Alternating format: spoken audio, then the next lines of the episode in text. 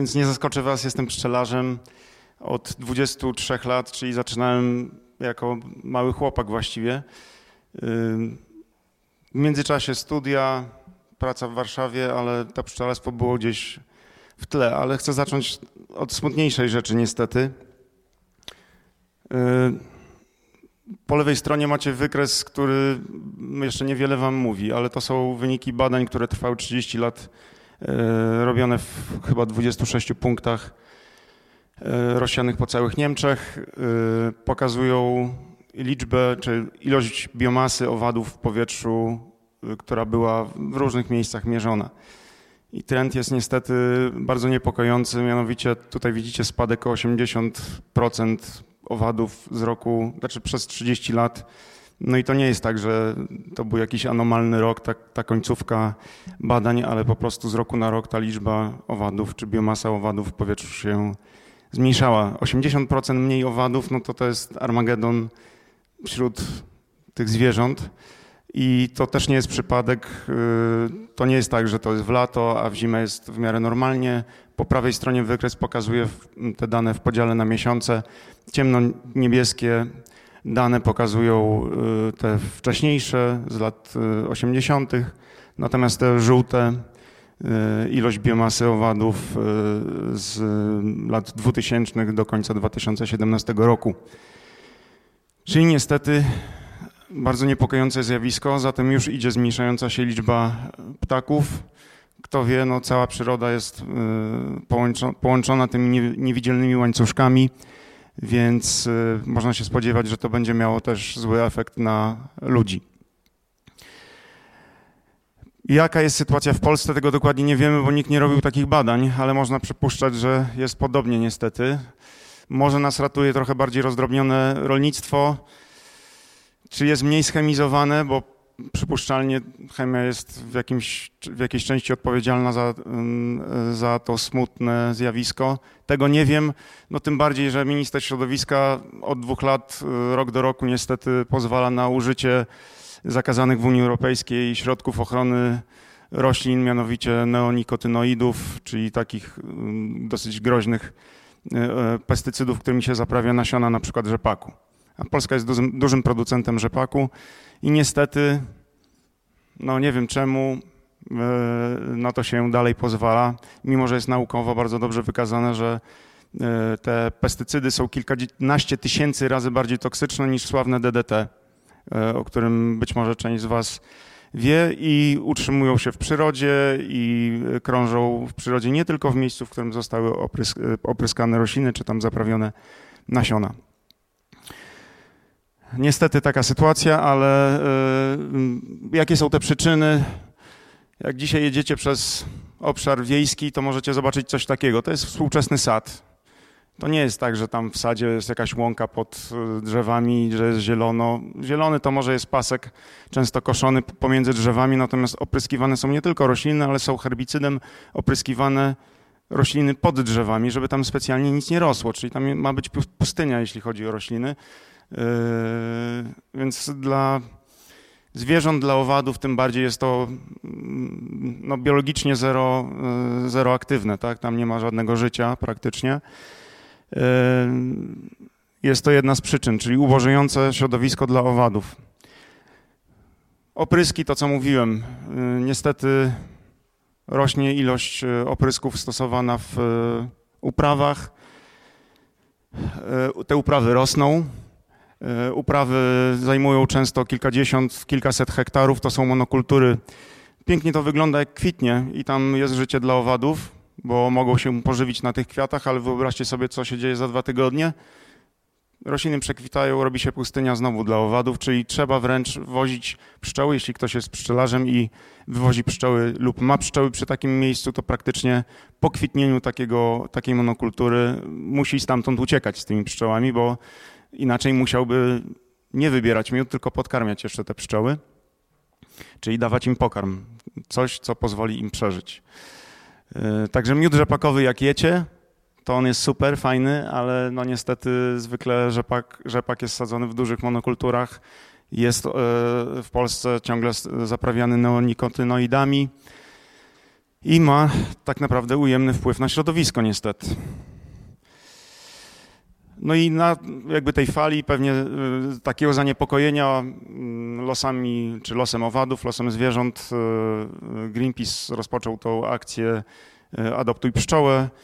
E, była to jedna z rzeczy, która przyczyniła się do takiego powszechnego wzrostu świadomości, że coś złego się dzieje. Tak? To nie musimy wiedzieć, że tam o 80% spadła biomasa owadów, ale jak wiem, że ktoś adoptował pszczółkę za 2 zł, to to już jest jakby coś, co przynajmniej trochę zwiększa świadomość i to jest ok. Jakimś pomysłem na Zachodzie na rozszerzenie takiej edukacji było od lat 80. stawianie uli w mieście. I teraz może was zaskoczę, ale jak mówicie pszczoły, to biolog rozumie poprzez pszczoły zestaw powiedzmy nawet 20 tysięcy różnych gatunków. A te, które się hoduje w ulach, to jest tylko jeden gatunek z tych 20 tysięcy. W Polsce żyje z tych 20 tysięcy, można powiedzieć dziko, około 470-500 gatunków pszczół.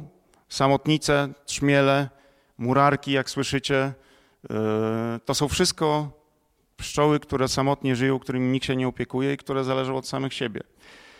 E, natomiast stawianie uli w miastach stało się gdzieś tam na zachodzie, w Paryżu, w Berlinie, w Londynie takim sposobem nie tylko po to, żeby pozyskać bardzo fajny miód, bo tak na marginesie miód z miasta jest niesamowity, jeśli chodzi o smak i jest niezwykle czysty, jeśli chodzi o skład. E, jak starczy nam czasu, to może wyjaśnię czemu, ale generalnie dzięki temu, że pszczoły były w mieście, ludzie się zaczęli tym troszkę bardziej interesować. Widzieli ul, nawet jak poczuli się zagrożeni, nawet jak poczuli strach, to przynajmniej mieli być może jakiś impuls, żeby ten strach e, przewalczyć albo dowiedzieć się, czemu prawda, się boją, czy to jest groźne, czy nie jest groźne. Już nie mówię o sytuacjach, kiedy pracownia pszczelarska, taka jak nasza na Mokotowie, e, pracownia pszczelarium jest otwarta, można powiedzieć, do zwiedzania więc nie trzeba jechać tam 60 km za miasto, tylko można sobie przyjechać do pracowni i zobaczyć, jak wygląda praca pszczelarza, jak wygląda pozyskiwanie miodu i przeprowadzić jakieś e, warsztaty. W tym momencie w Berlinie czy Londynie stoi około, non-stop, przez cały rok stoi około 4 do 5 tysięcy uli. I można powiedzieć tak, że pszczoły w miastach były jeszcze jakby zanim te miasta powstały, tak? bo zajęliśmy pewien naturalny teren, który no, jeszcze 300 lat temu to był tak naprawdę e, niezwykle zielony. Tu, gdzie dzisiaj jest Ursynów, tam były folwarki, tam były tereny e, rolnicze lub naturalne, więc to miasto e, się rozrastało, ale na szczęście, jak ktoś o to zadbał, czy włodarze, chylę czoła przed Krakowem, to jest w miastach dużo zieleni. Natomiast pszczół nie za dużo, dlatego że gdzieś tam powodowano, żeby te zwierzęta w ogóle gospodarcze wy, jakby wyprowadzać z miast. Zwierzęta gospodarcze, mówię o kurach, krowach, kozach, owcach i tak dalej. I są takie, było, czy, czy dalej funkcjonuje w wielu miejscach takie prawo miejscowe zwane regulaminem utrzymania porządku i czystości. Każda gmina musi coś, coś takiego mieć. W Warszawie też jest coś takiego. I do 2004 do, prawie że do końca 2014 roku w Warszawie funkcjonował taki zapis, że nie można hodować zwierząt gospodarskich. Natomiast jeśli chodzi o pszczoły, to można owszem, ale jak jest kilometr od osiedli mieszkaniowych. No więc yy, konia z rzędem temu, kto znalazł w Warszawie miejsce kilometr oddalone od osiedli mieszkaniowych, po prostu takiego miejsca nie było. Co nie znaczy, że pszczół nie było, bo gdzieś tam pszczelarze, hobbyści mieli te ule poukrywane trochę, bo się bali, bo było zagrożenie, prawda, mandatem 5000 złotych. Więc one gdzieś tam funkcjonowały w ogródkach działkowych, jak był przychylny sąsiad, gdzieś tam poukrywane w lasach. E, na przykład na, obrzeżach Warszawy w Lesie Bomowskim przez długie lata funkcjonowała, nie wiem czy teraz funkcjonuje pasieka dalej, e, gdzieś tam w Lesie Kabackim. No tyle tylko, że właśnie, pszczelarze się z tym nie ujawniali, było tych pszczół dosyć mało. Dlaczego, skąd jakby ta wiedza, że było ich dosyć mało? Jak będziecie powiedziałbym w lipcu przechodzili przy kwitnących lipach, ale przy dzisiejszych pogodzie i ciepłych bardzo wiosnach to lipy kwitną w miastach w czerwcu. I kończą kwitnienie w Warszawie, skończyły kwitnienie koło 28 czerwca. Także dzisiaj czerwiec byłby nazwany lipcem, bo lipy kwitną o miesiąc wcześniej niż kiedyś. W każdym razie, jak przechodzicie obok kwitnącej lipy, jest w miarę cicho tam, prawda, nie, nie przy samej ulicy, to powinniście słyszeć brzęk pszczół, brzękowadów na, tej, na tym drzewie, a w miastach często tego nie ma. Jest po prostu cicho. Tam lipa kwitnie, lipa nektaruje.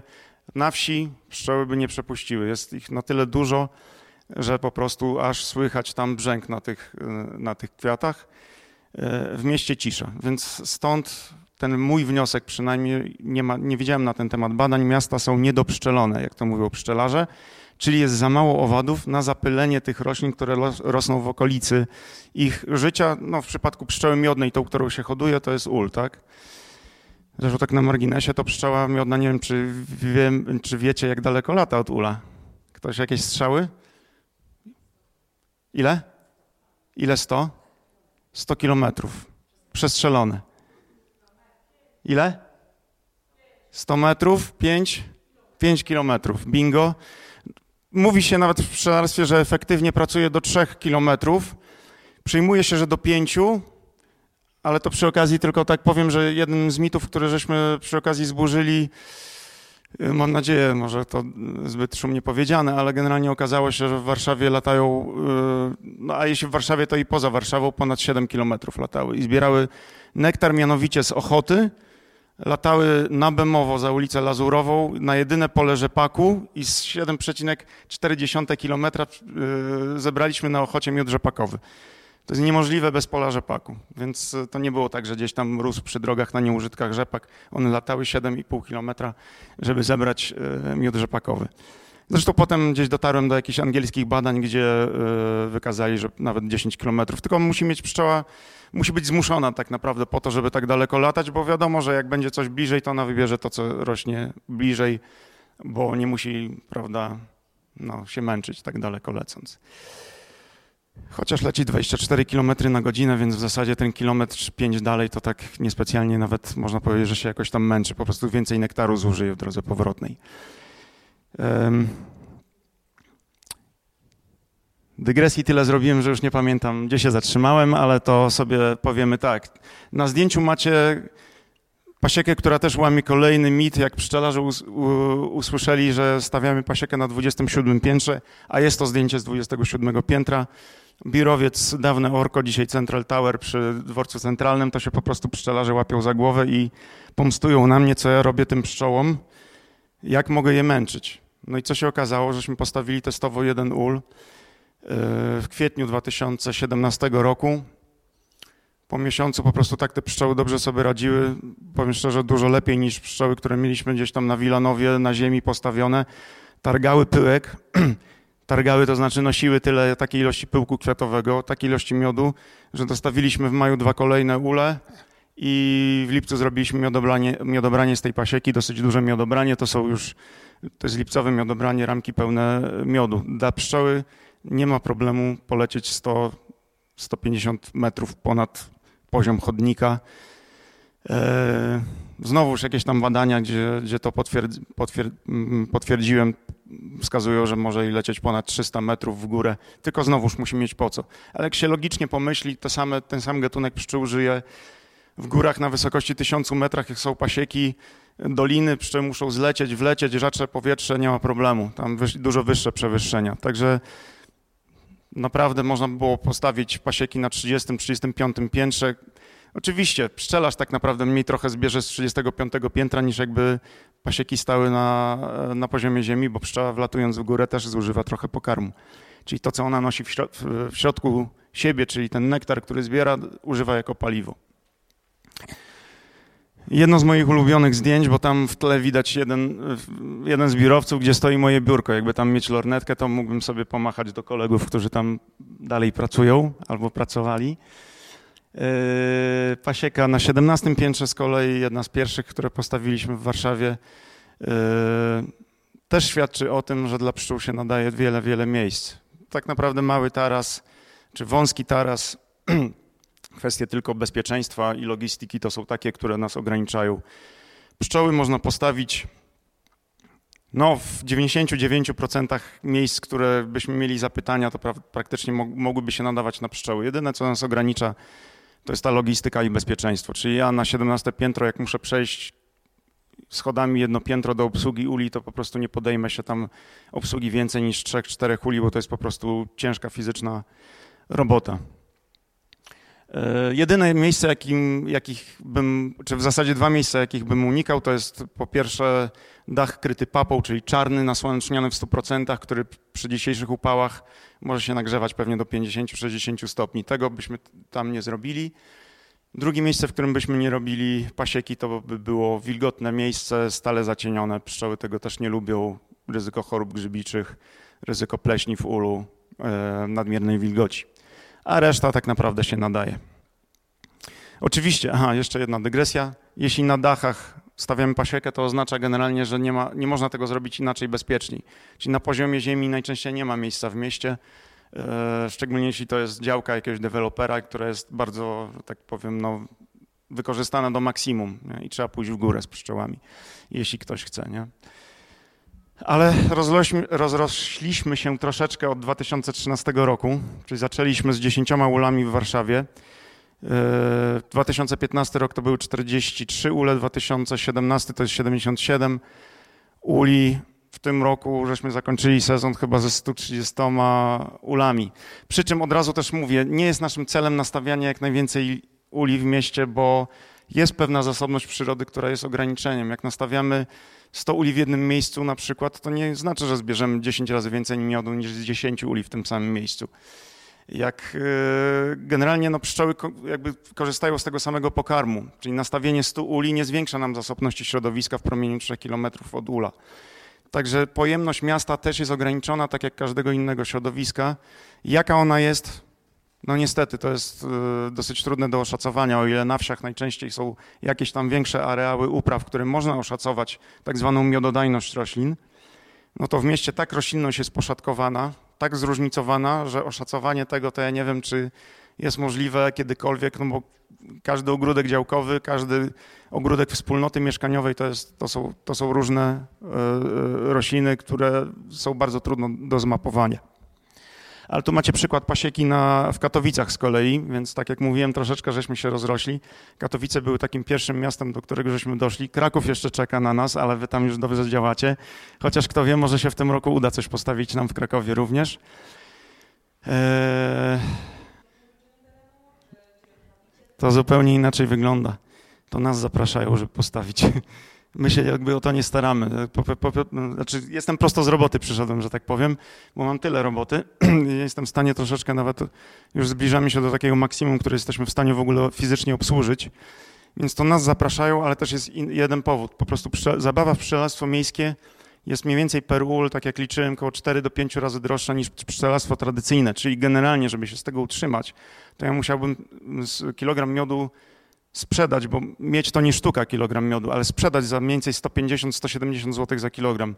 Pewnie nie kupiłabyś ode mnie tego miodu, nawet jakbyś wiedziała, że to jest miód na przykład kasztanowcowo-głogowy, którego nigdzie indziej nie dostaniesz, no ale zapłacić 150 zł za kilogram pewnie, pewnie tylko koneserzy. Więc y, w ogóle muszą nas, muszą nas chcieć, bo oni muszą nam zapłacić, mówiąc wprost za sam fakt, że stoją ule. Inaczej to jakby, ja mógłbym prowadzić jedną pasiekę hobbystycznie i nie brać za to kasy, tylko się utrzymać tam z miodu, ale, no ale ja się chciałem utrzymać z pszczół, więc ja poświęciłem 150% swojego czasu. Musiałem rzucić robotę w pewnym momencie, bo, no bo nie miałem innego wyboru. Nie? I musiałem, musiałem się utrzymać.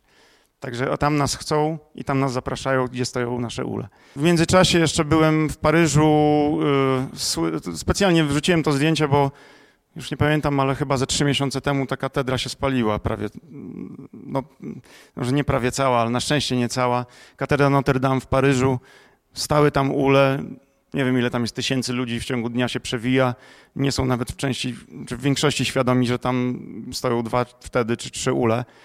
E, w zasadzie 20 metrów od nich. Nie? To pokazuje, że te ule są, niekoniecznie w ogóle o nich wiemy. I to, że w ulu jest 50 tysięcy pszczół, to sobie ludzie nie uświadamiają, ale w ogóle tego nie widzą. Tak? To się w przyrodzie tak rozlatuje, e, że te owady są niezauważalne zupełnie. E, pięknie wygląda pasieka, pszczoły przetrwały. Jakby ktoś się, jakby ktoś się martwił, czy pszczoły przeżyły pożar, przeżyły. Znaczy tam nie, dotarły, nie dotarł ogień i nie dotarło gorąco, bo gdyby tam rzeczywiście był pożar dokładnie przy ulach, no to siłą rzeczy by to się spaliło. E, wypączkowaliśmy wiele innych miast. E, w zasadzie tylko główne są tutaj zaznaczone, ale jakieś tam 10 miast jesteśmy, zawsze staramy się działać bardzo lokalnie, czyli tam na miejscu są ludzie w zespole pszczelarium, którzy te pasieki robią, którzy się nimi zajmują. Zresztą fizycznie nawet nie, nie byłbym w stanie w ogóle, nie wyobrażam sobie tak obsługiwania pasieki w Krakowie fizycznie. Ja mogę tam pojechać, zobaczyć, tak, uścisnąć dłoń klienta, ale, ale nie usługiwać tego fizycznie. Także tam na miejscu są ludzie, którzy, którzy się tym zajmują. No i na koniec chciałem, to jest taki, chciałem was zostawić trochę właśnie z taką, może w przeciwieństwie do tego, co pan Łukasz, tak? Łukasz z Zarządu Zieleni z Krakowa powiedział, zresztą kiedyś się kontaktowaliśmy chyba, rozmawialiśmy, nie? Bo Kraków jest w ogóle, to, wiedziałem, że tam się fajne rzeczy dzieją, nie wiedziałem, że aż tyle, szczerze mówiąc, także szapoba. Y, ale niestety wydaje mi się, że Kraków jest w awangardzie zupełnej działań proekologicznych czy, czy proprzyrodniczych w Polsce, jeśli chodzi o miasta. Niestety najczęściej wygląda to tak, jak na tym zdjęciu, nie? Czy jest koszony trawnik praktycznie zakontraktowany przez ktokolwiek tym trawnikiem zarządza, ten po prostu z góry kontraktuje rok wcześniej 8, czy tam 6, 8, 10, 12 czasem koszem w ciągu roku. Oni są opłaceni, zakontraktowani, po prostu wjeżdżają. Nieważne, czy jest susza, nieważne, czy tam w ogóle jest cokolwiek do koszenia. Yy, nieważne, że za chwilę będzie tydzień upałów powyżej 30 stopni. Jest bezmyślne generalnie zarządzanie już nawet nie zielenią, tylko po prostu zeschłą przyrodą, tak? Tam po prostu nic nie ma. I to jest jedna z rzeczy, która mnie najbardziej boli jeśli myślę o pszczołach, bo generalnie zajmuję się pszczołami miodnymi, tak? Ale chciałbym, żebyśmy przez to, że jesteśmy bliżej pszczół miodnych, to myśleli tak naprawdę o tych 470 czy 469 innych gatunkach, które są zostawione same sobie i ponieważ miasto i tak nigdy nie będzie rozwiązaniem na te problemy dzisiejsze, czyli chemizację rolnictwa, zwiększenie areałów upraw, brak miec, zabieranie środowiska naturalnego, ale to jest, może być taka namiastka, gdzie wbrew pozorom te pszczoły mogą czuć się całkiem nieźle. Są takie cztery powody, czemu pszczoły się czują w mieście w ogóle dobrze. Po pierwsze, zanieczyszczenia, które się nam z miastem kojarzą, takie jak smog, one występują zimą, przynajmniej w naszym regionie, prawda? Zimą pszczoły są w ulu, hibernują się, nie wylatują, nic nie nektaruje, pszczoły z tym praktycznie nie mają styczności. Po drugie, takie zanieczyszczenia typu no, ołów, tak? bo ktoś jak słyszy pierwszy raz miód miejski, to czasem pszczelarze mówią, panie, ale to z ołowiem to, to nie ma co w ogóle nawet sprzedawać. Tylko, że nie uświadamiają sobie, że źródłem ołowiu w miastach był 30 lat temu transport i paliwa ołowiowe, z ołowiem, które od mniej więcej tam 30 lat są wycofane z obrotu. Nie ma paliw ołowiowych więc nie ma źródła łowiu. I wszystkie te badania miodu miejskiego, które my żeśmy robili, o których wiemy, że były robione, mieliśmy dostęp do różnych wyników badań, wypadają po prostu dla miodu miejskiego super. Zero zanieczyszczeń, zero, węglowodorów aromatycznych, zero pierwiastków typu ołów, kadm, arsen i co tam sobie jeszcze można pomyśleć. Czemu tak jest? No po prostu miasta są mniej zanieczyszczone wiosną, latem, jesienią, nawet wczesną, tak? dopóki nie wchodzi e, sezon grzewczy, jest po prostu super czysto dla pszczół, a pszczoła, słuchajcie, żyjąc krótko bardzo, bo 5-6 tygodni w sezonie pszczoła żyje, kwiat dosyć krótko nektaruje, no bo pojedynczy kwiat no to jest kwestia tam powiedzmy, no powiedzmy dwóch tygodni. E, więc to nie zdąży nawet zakumulować tych niskich poziomów zanieczyszczeń, które owszem w mieście są, czyli jakieś pyły z transportu miejskiego przecież są i latem, ale to po prostu nie, jest, nie ma szansy dostać się w jakiejś zauważalnej czy istotnej ilości do nektaru, a później do miodu. Nawet niektórzy pszczelarze tam twierdzą, że to pszczoły tam odfiltrowują, cokolwiek by zebrały, to i tak będzie czyste. Ja mi się wydaje, że, że większe znaczenie ma tak naprawdę ta, ta jakby specyfika środowiska miejskiego dla owadów, dla pszczół. Co jeszcze jest w miastach takiego ciekawego? Miasto jest wyspą ciepła. Generalnie dla owadów, gdyby nie patrzeć na wszystko inne, czyli zieleń, to ta, tak naprawdę nasze średnie temperatury, gdyby się podniosły o, o, o stopień, to nawet by było dla owadów lepiej. No oczywiście inne zjawiska negatywne, susze długotrwałe, brak opadów, gdzieś tam no, redukują ten dobry wpływ powiedzmy samego wzrostu temperatury. Ale powiedzmy ta wyspa ciepła pozwala pszczołom gdzieś tam dłużej trochę pofunkcjonować, lepiej być może się przygotować do, do zimy, szczególnie jeśli są tak zwane pożytki późne, czyli późno kwitnące rośliny. takie jak nawód dzisiaj kwitnąca, e, takie żółte, na nieużytkach rosnące wysokie rośliny, to nawódź jest. E, no i co jeszcze? W mieście, słuchajcie, nie ma tej chemii. Nie ma chemii. Nawet jak ktoś sobie opryska cały balkon pestycydem owadobójczym, nawet niech to będzie najgorszy owadobójczy pestycyd, to że jak sobie uświadomimy, że pszczoła, żeby zebrać kilogram miodu, to ona musi odwiedzić około 3 do 5 milionów kwiatów, no to ten opryskany balkon to jest po prostu jak kropla nawet nie w morzu, tylko w oceanie. Jeśli sobie jeszcze uświadomimy, że y, rodzina pszczela w ciągu roku zużywa około 90 kg miodu, no uprośmy do, do 100, zaokrąglmy, to 100 kg miodu razy 5 milionów kwiatów, mamy 500 milionów kwiatów odwiedzonych przez jedną rodzinę pszczelów w ciągu roku. Jak mamy dwa ule, to mamy już miliard kwiatów. Ale tak z drugiej strony tych kwiatów nie, nie brakuje nawet tak, tak, tak bardzo, bo jedna duża lipa kwitnąca, stara lipa to jest około milion, półtora miliona kwiatów, jakby tak zliczyć każdy pojedynczy. No ale skala musi być ogromna, żeby pszczoły się wyżywiły i nie mówiąc o nadwyżce dla pszczelarza, tak? Bo pszczelarz wybiera średnio w Polsce z ula, który stoi w jednym miejscu jakieś 10 do 20 kg, czyli 10 do 20% tego, co pszczoły zbiorą. Także bardzo, bardzo mało tak naprawdę, czy dosyć mało. Więc wszystkie fakty dzisiaj wskazują na to, że miasto jest całkiem niezłe dla pszczół i to jest ten paradoks miasta, o dziwo. Wieś dzisiaj często powoduje, że w miodach są znajdowane pozostałości pestycydów. I to nie jest bajka, można nawet sobie wygooglać tam badania miodu na pestycydy. Niestety znajdują się pozostałości. Czyli się, ale przypuszczam z drugiej strony, że więcej pestycydów jemy na pięknie, pięknie wyglądających jabłkach. Sam wiem, jak proces produkcji jabłka dzisiaj wygląda. Czyli poza tym, że ten sad wygląda tak nieprzyjaźnie, to mniej więcej jest pryskany około 30 razy w ciągu roku. Nie zawsze jakimiś tam mocnymi środkami, czasem tak zwany miedzian, ale generalnie około 30 oprysków się wykonuje. I miasto jest tak dobre dla, dla pszczół, że jest bardzo dobre również dla pasożyta pszczół i to jest jedyny minus y, miasta. Ten pasożyt pszczół to jest też owad, taki malutki, milimetrowej średnicy. Pasożyt, roztocz, waroza. E, w mieście są dużo, dużo większe problemy z warozą niż e, na wsi. Więc generalnie wniosek, ja mam jeden po pięciu latach zajmowania się pszczołami w mieście i po 23 latach zajmowania się pszczołami, w większości hobbystycznie, ale pszczołami wiejskimi, można powiedzieć, tradycyjnymi. Wniosek mam jeden. Miasto jest niestety, niestety lepsze. Nie chciałbym nawet tak mówić, ale, ale to jest ten paradoks, e, że w mieście pszczoły mają lepiej. A miałyby jeszcze lepiej, gdyby właśnie te trawniki zamieniać w takie łąki wspaniałe. No super, no już nie będę kadził Krakowowi, ale generalnie po prostu walczcie wy o to tak naprawdę, żeby w miejscach, w których architekci, nie wiem, zarządcy mają najdroższą możliwie w utrzymaniu zieleń, czyli zielony trawnik, który jakby był zielony, to musiałby być podlewany praktycznie codziennie, tak jak w tym roku było. E, koszony, podlewany, więc najdroższa w utrzymaniu zieleń. Łąka Wystarczy przestać kosić kawałek trawnika o 6 czy 8 czy 10 razy do roku, zostawić go, skosić go w czerwcu na przykład raz, we wrześniu drugi raz, albo zostawić go raz koszony gdzieś pod koniec sezonu. I same się rośliny zielne, tak zwane chwasty, nie lubię też tego słowa, ale generalnie dziko funkcjonujące rośliny same się wysieją i patrząc też po swoich pasiekach niektórych, na przykład na Żoliborzu mamy takie pasieczysko w Parku Kępa Potocka i Kaskada, gdzie, gdzie to ja zarządzam koszeniem. I ja przestałem tam kosić 8 razy do roku, tylko koszę dwa razy do roku albo w niektórych miejscach w ogóle raz do roku. Nie jestem botanikiem, nie znam się na, na roślinach tak bardzo, no ale tam wchodzą jakieś astrowaty, jakiś nostrzyk, jakaś koniczyna się pojawia. E, I to środowisko zupełnie zmienia charakter. To jest po prostu zupełnie coś innego dla przyrody zupełnie coś innego. Także wiem, jak to jest trudne, bo ja lobuję za tym e, w różnych wydziałach ochrony środowiska i zawsze słyszę jedno narzekanie. Jestem po czasie. Dobra.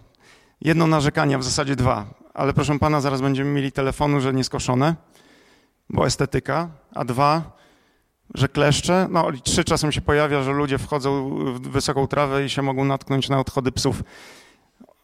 Znaczy ostatnie dwa argumenty to nawet ja rozumiem, ale są na to dobrze, dosyć dobre sposoby. Na kleszcze wystarczy kosić trawnik, e, jakiś pas półtora do dwóch metrów od wysokich krzewów, tam gdzie jest wilgoć trzyma na, e, dużo bardziej. No, a po psach wystarczy, wystarczy sprzątać. Ale w sumie w miastach jest, słuchajcie, miejsce i na trawniki, i na łąki, i na rezerwaty, i na boiska i tak dalej. Także spokojnie z półtora tysiąca hektarów, które są trawnikami w Warszawie, jakby jedną trzecią zamienić w łąki, po prostu raj dla owadów. Także tyle z taką myślą was zostawiam i z takimi może e, chęciami do działania mam nadzieję i bardzo dziękuję. Jak pytania, to może zaraz rozumiem. Dziękuję. Thank you.